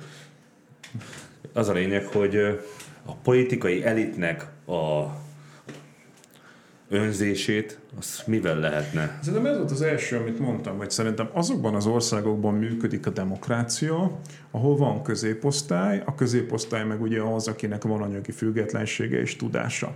És ezt egyébként empirikusan ellenőrzik. Tehát felszokták tenni azt a kérdést rendszeresen, hogy hány százalék hiszi el azt, hogy a demokratikus rendszer az ő érdekében működik. És szinte kizárólag csak a skandináv országokban, Kanadában és Új-Zélandon szokták 50%-nál e, többen ezt mondani. Tehát a világ összes többi magát demokratikusnak mondó országában, inkluzíve Egyesült Államok, azt mondják, hogy 50%-nál kevesebb mondja azt, hogy értem működik ez a rendszer. Csak Skandinávia, Kanada és, és Új-Zéland. Ez azt mutatja, hogy kell egy erős középosztály ahhoz, hogy, ez a dolog működjön, ezt ugye a piac nem tudja megteremteni, és hogyha nincs középosztály, és mondom szerintem Magyarországon egy számjegyű az. De bocsánat, tehát a politikai elitnek nem érdeke ezek szerint az, hogy az erős középosztályt kialakítsa. De ez nem igaz. Miért érdeke neki Stockholmban, Oszlóban, eh, vannak országok, ahol igen. Tehát én azt gondolom, hogy ha ezt nem csinálod meg, akkor egy idő után úgy lerohad a demokratikus rendszered. Ugye manapság egy csomó ember azt gondolja, hogy, a dem, hogy van ez a mondás, hogy a demokrácia az a rendszer, amikor két hülye leszavaz egy zsenit. E, de ugye az emberek, még egyszer, tehát hogy nem von Hausa az zsenik és hülyék, hanem van, akit zsenivé tesz az oktatási rendszer, meg van, akit hülyévé tesz az oktatási rendszer. Ha van egy olyan oktatási rendszered, ahol biztos lehetsz abban, hogy a téged körülvevő emberek alapvetően értik, hogy miről van szó, és van egy bizalmi szint, és ugyanezekben az országokban van a bizalmi szint. Tehát, hogy a másik, amit meg kéne érteni, én azon voltam teljesen elképedve, hogy egy Csepeli György eh, ismert szociálpszichológus kivetít egy ilyen listát, hogy hol van magas bizalmi szint, és hol nincsen, és hát kiderül, hogy a skandináv országokban nagyon magas a bizalmi szint, Magyarországon, Romániában meg nagyon alacsony a bizalmi szint. És ahelyett, hogy ezt egy magyarázott változóként kezelni, tehát hogy megnézni, hogy miért lett valahol magas a bizalmi szint, a liberális magyar elit ezt elkezdi magyarázó változóként kezelni, tehát azt mondja, hogy Magyarországon alacsony a bizalmi szint, tehát ez az ország tönkre megy.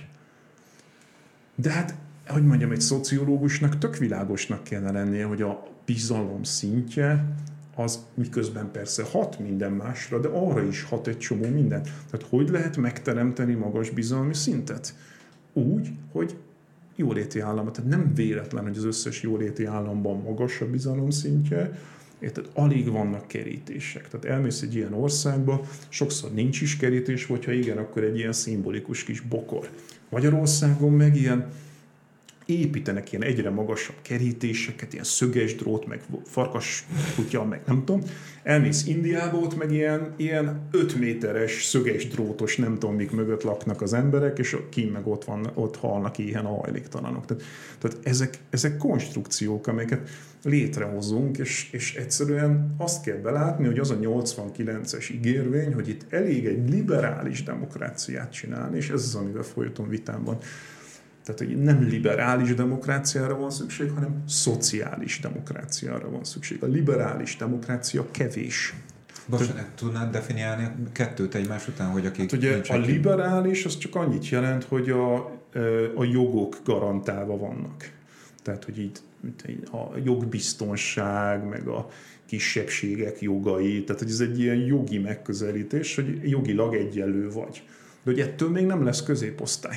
Tehát ugye amikor eh, amikor Orbán Viktor azt mondja, hogy liberális demokrácia, akkor ő ugye azt a liberálisnak az ellentét párjaként mondja. Ha erre azt mondja a, a, az ellenzék, hogy nekünk liberális demokrácia kell, ez nem fogja meghódítani az embereket, mert az emberek átéltek 20-30 év liberális demokráciát, és ez azt mutatta nekik, hogy elméletileg van jogod rá, de ugye ez a híres mondás, hogy ez a, jogod, a hajléktalan joga, hogy a híd alatt aludjon. Nem, szociális demokráciára van szükség, ami nem csak jogot ad neked arra, hanem megadja azt a segítséget, csak ugye a magyar elit ezt 120 éve nem akarja. A magyar elit az bőven... Erre utalok. Tehát, hogy a politikai elit nem vállal föl olyan reformokat, amiben belebukik, de nem, ez nem csak Magyarországon Ezért van igaz. szükség elitváltásra. Tehát Magyarországon föl kell ismerni a társadalomnak, hogy ezt, ezeket az eliteket le kell váltania. Tehát az az elit, ami számára nem adja meg a lehetőséget, akkor nem arról kell szóljon a vita, hogy most az elit e- ilyen vagy olyan fele maradjon. Mert jelenleg az van, hogy nagyjából mindenki tudja, hogy az elit egy fele bebetonozta magát, a másik fele meg nagyjából elbábozza, hogy ő az ellenzék, de valójában ő se hisz abba, hogy meg tudja dönteni a, a kormány, de ott elég jó pozíciókat lehet abban a másik felében is. Tehát, hogy mondjam, a, a társadalom nagy részénél jobban élsz, hogyha ha az elitnek ezeket a pozícióit megtartod. A társadalom többi része meg ebből ki van rekesztve.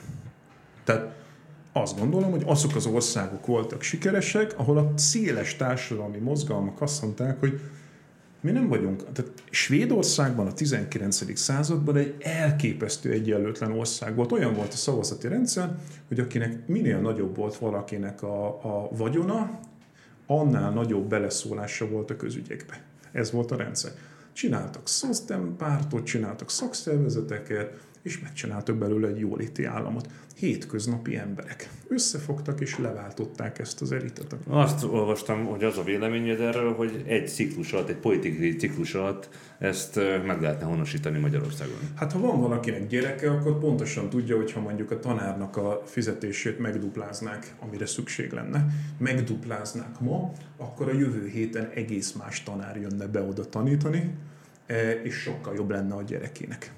Egy héten belül óriási változás lehetne csinálni, csak tisztességes fizetést kéne adni a tanárnak. Arra akkor én most választ kaptam, hogy az újraelosztás az hogyan lehet globális szinten kivitelezni? Hát szerintem a tudatossággal. Tehát én, az én fejemben az úgy van, hogy minél több emberrel beszéljünk róla, értsük meg, hogy mi a probléma, és akkor a középosztály nyomást helyez a politikusokra, vagy lecseréli a politikusokat, és, és megold dolgokat. Én azt látom, tehát voltak már ilyen korszakok, tehát mondjuk a 19. század végének ugyanez volt a dilemmája, hogy ugye Amerikában voltak a rablóbárók, iszonyatos monopóliumok, tehát amikor mondjuk Márkizai Péter azt gondolja, hogy az amerikai siker az a kapi, szabadpiaci kapitalizmus története, akkor fogalma sincs arról, hogy a 19. században monopóliumok tömkelege rablóbárok voltak, és akkor jött az úgynevezett progresszív éra, amikor összekapták magukat az amerikaiak, meg a Roosevelt, és akkor kiegyensúlyozódott, és visszafogták, és fölvágták a Standard Oil-t, és, és, meg, és, és egyszer már megcsinálták. Ugyanez volt a 20. századi szociáldemokrácia Nyugat-Európában, tehát volt már példa arra, ezért nem szeretem, amikor az ilyen szélső balos barátaim azt mondják, hogy a tőke, és akkor nincs remény, és akkor a kapitalizmus, és az mindennel erősebb, mert hogy, mert hogy több példa is van arra, hogy bizony már ezt egyszer megcsináltuk. Tehát én nem látom azt, hogy miért ne lehetne még egyszer megcsinálni, hogyha már egyszer. Jelenleg ennek intellektuális akadálya van? Szerintem az van, hogy akkoriban az emberek megbeszélték egymással, tehát ugye mindenki tudja, hogy a 19. század végén iszonyatos terjedése volt az, az újságoknak, ilyen munkásegyletek, az emberek beszéltek egymással, eh, elkezdtek írni erről újságírók, akik ugye eh, ezeket az ügyeket így feltárták, és akkor ez egy ügy volt, hogy miért monopólium, miért monopólium a Standard Oil, és akkor ez egy ilyen össztársadalmi ügyé vált. Tehát, hogy ez nem tud ez másképp történni. Egy társadalom az úgy működik, hogy egy közösség vagyunk, és megbeszélünk dolgokat. Tehát, hogyha nem tárjuk fel a dolgok okát, akkor elég nehéz cselekvést elképzelni. Oké, okay, most meglátjuk azt, hogy uh, Grétát említetted, ő általa vannak uh, klíma megmozdulások, és nem tudom, de egyszerűen valahogy olyan, mint hogyha nem ütné át a társadalmi inger küszöböt. Hát de dehogy nem. Tehát, hogy szerintem ez pont egy jó példa a Greta Thunberg, hogy az utolsó négy-öt... Hát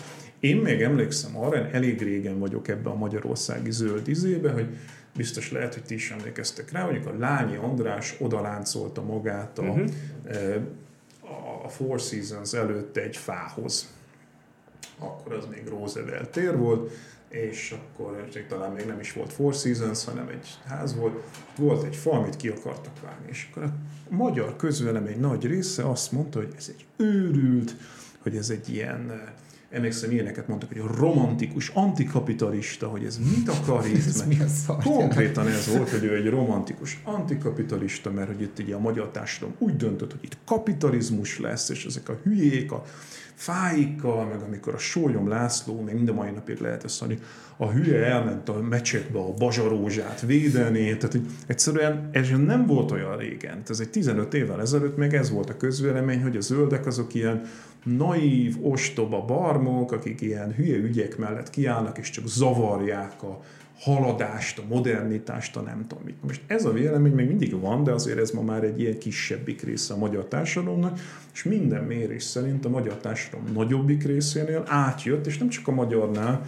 hanem a, a, a nyugati társadalmak nagy részénél átjött az, hogy itt baj van, és ebben elképesztő érdeme van a, a, a Greta Thunbergeknek, és az Attenboróknak, és egy csomó más mindenkinek, aki ezeket csinálta. Jó, csak hogy nem, nem csak a Nyugat-Európa, vagy, nem csak Nyugat-Európa, hanem a nyugati civilizációban uh, jelentős mondjuk a CO2 kibocsátás, hanem Kínában is. Kína egy egészen ott más vannak, Ott is vannak környezetvédők, persze. Tehát hogy mondjam, mi ezeket nem látjuk, de mondjuk Nigériában érted, ott van Kensaro Viva, tehát hogy mit tudom én, Dél-Amerikában rendszeresen megölnek környezetvédőket, tehát ezek ismert nevek, akik ott a dél-amerikai országokban küzdenek ezekért a dolgokért. Tehát ahogy nekünk megvannak a lányi Andrásaink, úgy nekik megvannak a, a saját. Akkor te optimista vagy a föld megmentését tekintve? Hát én optimista abban az értelemben nem vagyok, hogy abban nyilván egyetértünk, hogy a, a mutatók rosszak. Tehát, hogyha csak abból indulunk ki, hogy a CO2 kibocsátás nő, a világ egyenlőtlenségei orbitálisak, tehát nyilvánvalóan a helyzet rossz, és akkor a szerhasználat, a depresszió, tehát hogy amikről itt beszéltünk, azok vannak, én nem akarok ilyen, ilyen ostoba valóságtagadó lenni, csak azt mondom, hogy az sem segít, hogyha azt mondjuk, hogy a kapitalizmus az mindennél hatalmasabb, és egy ilyen ilyen nagy, gonosz gépezet. Amit én látok, hogy akik ilyeneket megcsináltak az elmúlt 200 évben, azok a szociáldemokraták voltak, meg a zöldek. Ezek a, a bocsánat, elnézés mindenkitől, aki kommunistának vallja magát, de én nem látom, hogy kapitalista országokban antikapitalista forradalmak olyan nagyon kitörtek volna. Tehát, hogy 1848 óta ha mondjuk összeszámoljuk azt, hogy hány kapitalista országban, hány antikapitalista, persze volt, aki spartakista felkelés, meg Torino, én nem tudom mi, de ezek picik voltak és nagyon szorványosak. Az összes nagy úgynevezett kapitalista, úgynevezett kommunista mozgalom, azok mind ilyen Oroszország, meg Kína, meg tanácsköztársaság, tehát ilyen nem kapitalista visz, Kuba, ezek nem kapitalista viszonyok között törtek ki, és nem is csináltak más, tehát ezek ráadásul államkapitalizmusokat csináltak. Tehát Marx értelemben meg se alatták a kapitalizmust. Mm.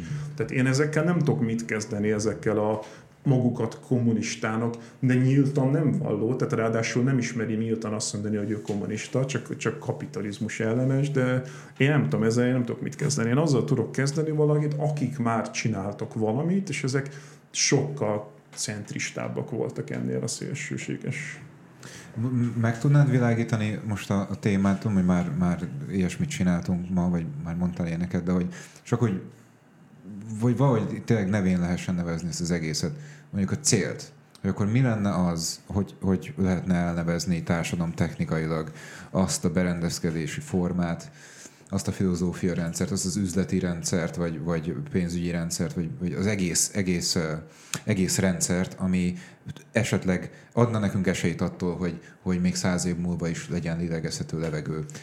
Hát magamban ezt egy nem növekedő jóléti államnak nevezem, de valószínűleg tényleg hasznos lenne. Most, hogy így kérdezett, döbbenek rá arra, hogy egyszerűen valószínűleg kéne egy nevet adni neki. Mert ugye ameddig abban a dihotómiában vagyunk, hogy kapitalizmus versus uh-huh. kommunizmus, mert mindenki, aki a mhm. kapitalizmus kritizálja, rögtön megkapja, na akkor te kommunista vagy, amit vagy elutasít, vagy elfogad, de, de ez egy teljesen rossz dilemma. Én azt gondolom, hogy valamilyen nem növekedő jóléti államra van szükség, de majd találunk neki egy nevet, és akkor majd lehet képviselni, mert valószínűleg akkor működik ez, hogyha van egy logó, ami, ami, ami nem a vörös csillag, vagy a Sarló és Karapács, hanem valami e, új név, egy új logóval, és akkor azt kell mondani, hogy, hogy, hogy egyszerűen egy nem növekedő e, jóléti állam, és ez, nem, és ez nem olyan lesz, mint a Szovjetunió, tehát hogy nem lesz, nem lesz elnyomó, nem lesz egy pártrendszer, e, nem akar e, egy csomó mindent, amit, tehát hogy a szabadságot és a az igazságosságot össze lehet házasítani. Azt tudjuk rólad, hogy nincsenek politikai ambícióid, de egy ilyen jellegű mozgalomnak az élére állnál, vagy hogyan tudnál te ezen, ebben szerepet vállalni? Én erre nem lennék alkalmas. Tehát, hogy a politikusi szerep az egy olyan szerep, amit imádni kell. Politikusnak olyasmi valami, mint Schiffer András, aki ezzel kell, meg ezzel fekszik. Tehát én, én erre totál alkalmatlan vagyok. Én ezt szeretem csinálni. Én szeretek olvasni, vitatkozni, beszélni róla. De akkor most jól érezted itt magadnál? Én jól éreztem magam. Na, szuper, köszönjük szépen. Köszönjük. Nagyon szépen köszönjük, hogy eljöttél és nektek pedig köszönjük a figyelmet. Akkor itt a műsor végén engedjétek meg, hogy invitáljunk titeket a feliratkozásra, amennyiben tetszik a, a, a műsorunk és a, a témák, amiket, amiket próbálunk boncolgatni, illetve a vendégek, akkor, akkor iratkozzatok fel és osszátok meg haverjaitokkal, meg azokkal az emberekkel, akiket szerettek és szeretnétek, hogy egy, egy nem növekedő jóléti társadalomban éljenek például, ahol van megfelelő egészségügyi oktatás. Szóval feliratkozhatok hozzánk a Facebookon, az Instagramon, a TikTokon is most már azt hiszem, ugye? Igen, TikTok oldalunkon is, illetve van egy Patreon oldalunk, ahol extra tartalmakat és, és bővebb, bővebb adásokat is láthattok. És akkor reméljük, hogy nem csak a műsornak, hanem az egész világnak is van jövője. Igen, bízunk benne, és értsük meg, hogy mi van magunk körül, próbáljuk, törekedjünk erre. Zoli, köszönjük szépen még Nagyon szépen köszönöm. szépen. Minden jó, sziasztok! Sziasztok!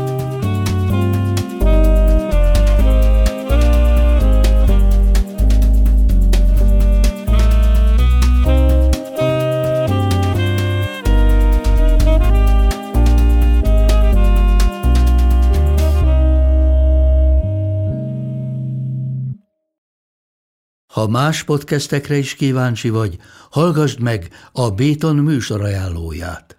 El tudod képzelni, hogy a podcastet, amit éppen most hallgattál, fél év múlva már a mesterséges intelligencia generálja? Mi sem. De ha érdekel, eljötte már a gépek lázadása. Hallgass bele az Embertelen podcastbe. Orsós Lajos vagyok, a műsor házigazdája. Egyelőre még élőben. Egyelőre. Fedezzük fel együtt, hogyan ismerkedik, randizik, mesél és vitatkozik Betty és Péter, két teljesen mesterséges intelligencia. Lajos, a podcast címét mond még egyszer, Léci. Oké. Okay. Embertelen podcast. A műsor a Beaton Network tagja.